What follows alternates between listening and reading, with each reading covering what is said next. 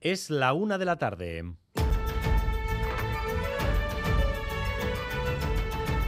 Crónica de Euskadi con Dani Álvarez. Arrachaldeón, 4 de 4. En Navarra, el gobierno de María Chivite aprobará sus cuartos presupuestos de la legislatura y lo volverá a hacer con Euskal Herria Bildu. Con las elecciones a la vuelta de la esquina, ambas partes exhiben una sintonía total, con foto todos sonrientes, incluida Ollán Arango, Arrachaldeón. Arrachaldeón esta vez sí dan el paso de salir juntos en la foto, aunque no está la presidenta Chivite. A la cuarta exhiben la firma del acuerdo.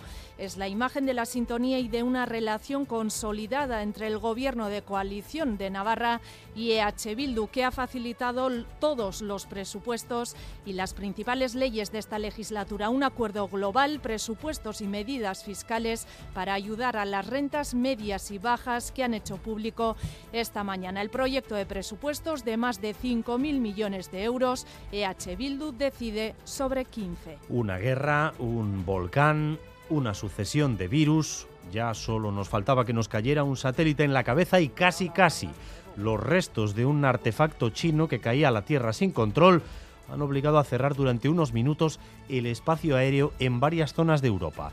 Finalmente, el cacharro ha caído en el Pacífico Sur, pero el rato de canguelo en las torres de control de los aeropuertos no nos lo quita nadie. En el aeropuerto de Bilbao ha habido retrasos por este motivo. Xavier Madariaga, adelante. Sí, 8 de la mañana la inteligencia militar ha mandado cerrar parte del espacio aéreo de la península en una franja que va desde Portugal y hasta Cataluña. El cohete chino, como habéis dicho, ha acabado finalmente cayendo en el Pacífico Sur, pero el retraso, el trastoque en los aeropuertos no se ha podido evitar. A esta hora embarcan aquí en el aeropuerto de Loyu vuelos que estaban programados a las 11 y 10 y aterrizan otros que tenían que haber llegado a las 10 y 45. Hasta 17 vuelos se han visto afectados. Esta terminal de Loyu espera ir recobrando la normalidad en breve. Una hora de retraso. Por el cohete chino. ¿Quién nos lo ha dicho? El piloto de la aerolínea. 40 minutos de retraso fueron, sí. Sobre una hora.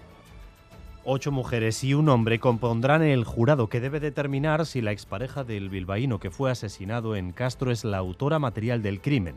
Un caso cuya principal pista es la cabeza del hombre, lo único que se ha hallado.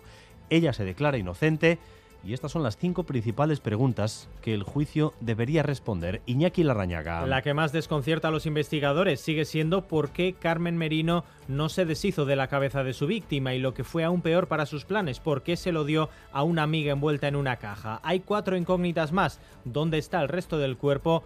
Cuándo y dónde lo mató, cuál fue el modus operandi del asesinato y finalmente si el macabro crimen tenía como único objetivo quedarse con la herencia de Jesús Mari Baranda, ex empleado de Banca de Bilbao de 67 años, el que era su novio desde hacía más de 7 años.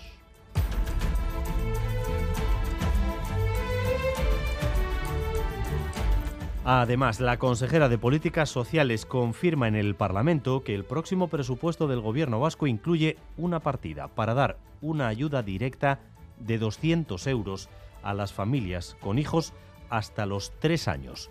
Dice Beatriz Artola Zaval que quieren que sea la palanca para cambiar el invierno demográfico en el que está el país. Nueva ayuda de 200 euros de 0 a 3 años con el objetivo de eh, bueno ver si esa puede ser la palanca del cambio que haga que las familias vascas tengan los hijos e hijas eh, que quieran. Va a ser una ayuda derecho subjetivo, va a ser una ayuda universal y por tanto va a ayudar a todas las familias independientemente de su condición.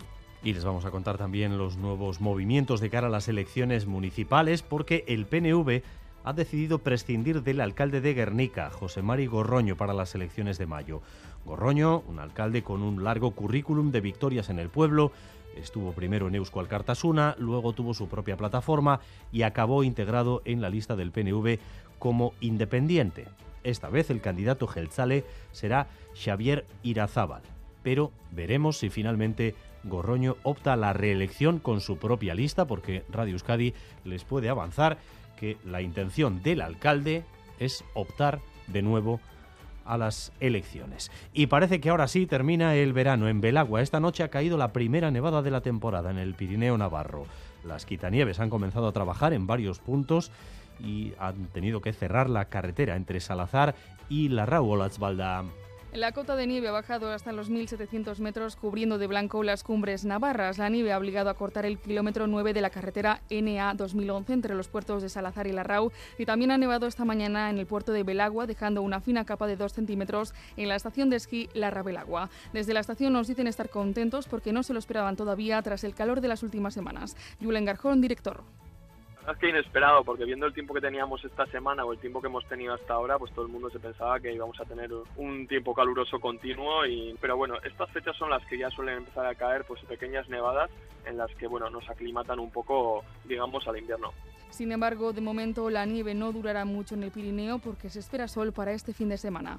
La semana de cine fantástico y de terror de Donostia llega a su fin y Paul Urquijo vuelve a ganar el premio del público. José Mi Beltrán. Premio del público al mejor largometraje de la sección oficial de esta edición número 33. Ha sido para Irati de Paul Urquijo, eh, la mejor película, como os decía, según las votaciones del público.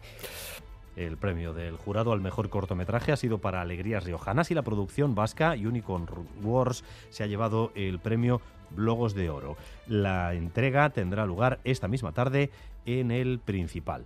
Y vamos también con lo más destacado del deporte con Álvaro Fernández Cadierno, a Rachaldeón. A Rachaldeón en un día uno más eh, con fútbol, dos partidos, Girona Athletic en primera, la vez Zaragoza en segunda, ambos buscan una victoria que les mantenga en la zona alta de la tabla, además y tras la magnífica clasificación de la Real anoche para los octavos de final de la Europa League, su presidente Joaquín Aperribay ha confirmado que la renovación de Manuel Alguacil está a la vuelta de la esquina, eso y también un presupuesto de 128 millones de euros para esta temporada mañana pasada por agua y con el viento noroeste como protagonista, junto a abundantes precipitaciones que van poco a poco remitiendo.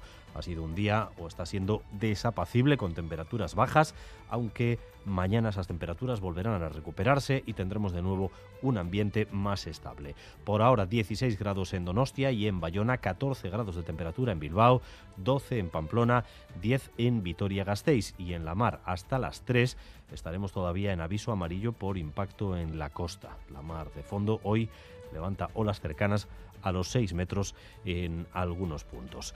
Gracias un día más por elegir Radio Euskadi y Radio Vitoria para informarse. Raúl González y José Ignacio Revuelta se encargan de la dirección técnica, a Itziber Bilbao de la coordinación. Crónica de Euskadi con Dani Álvarez.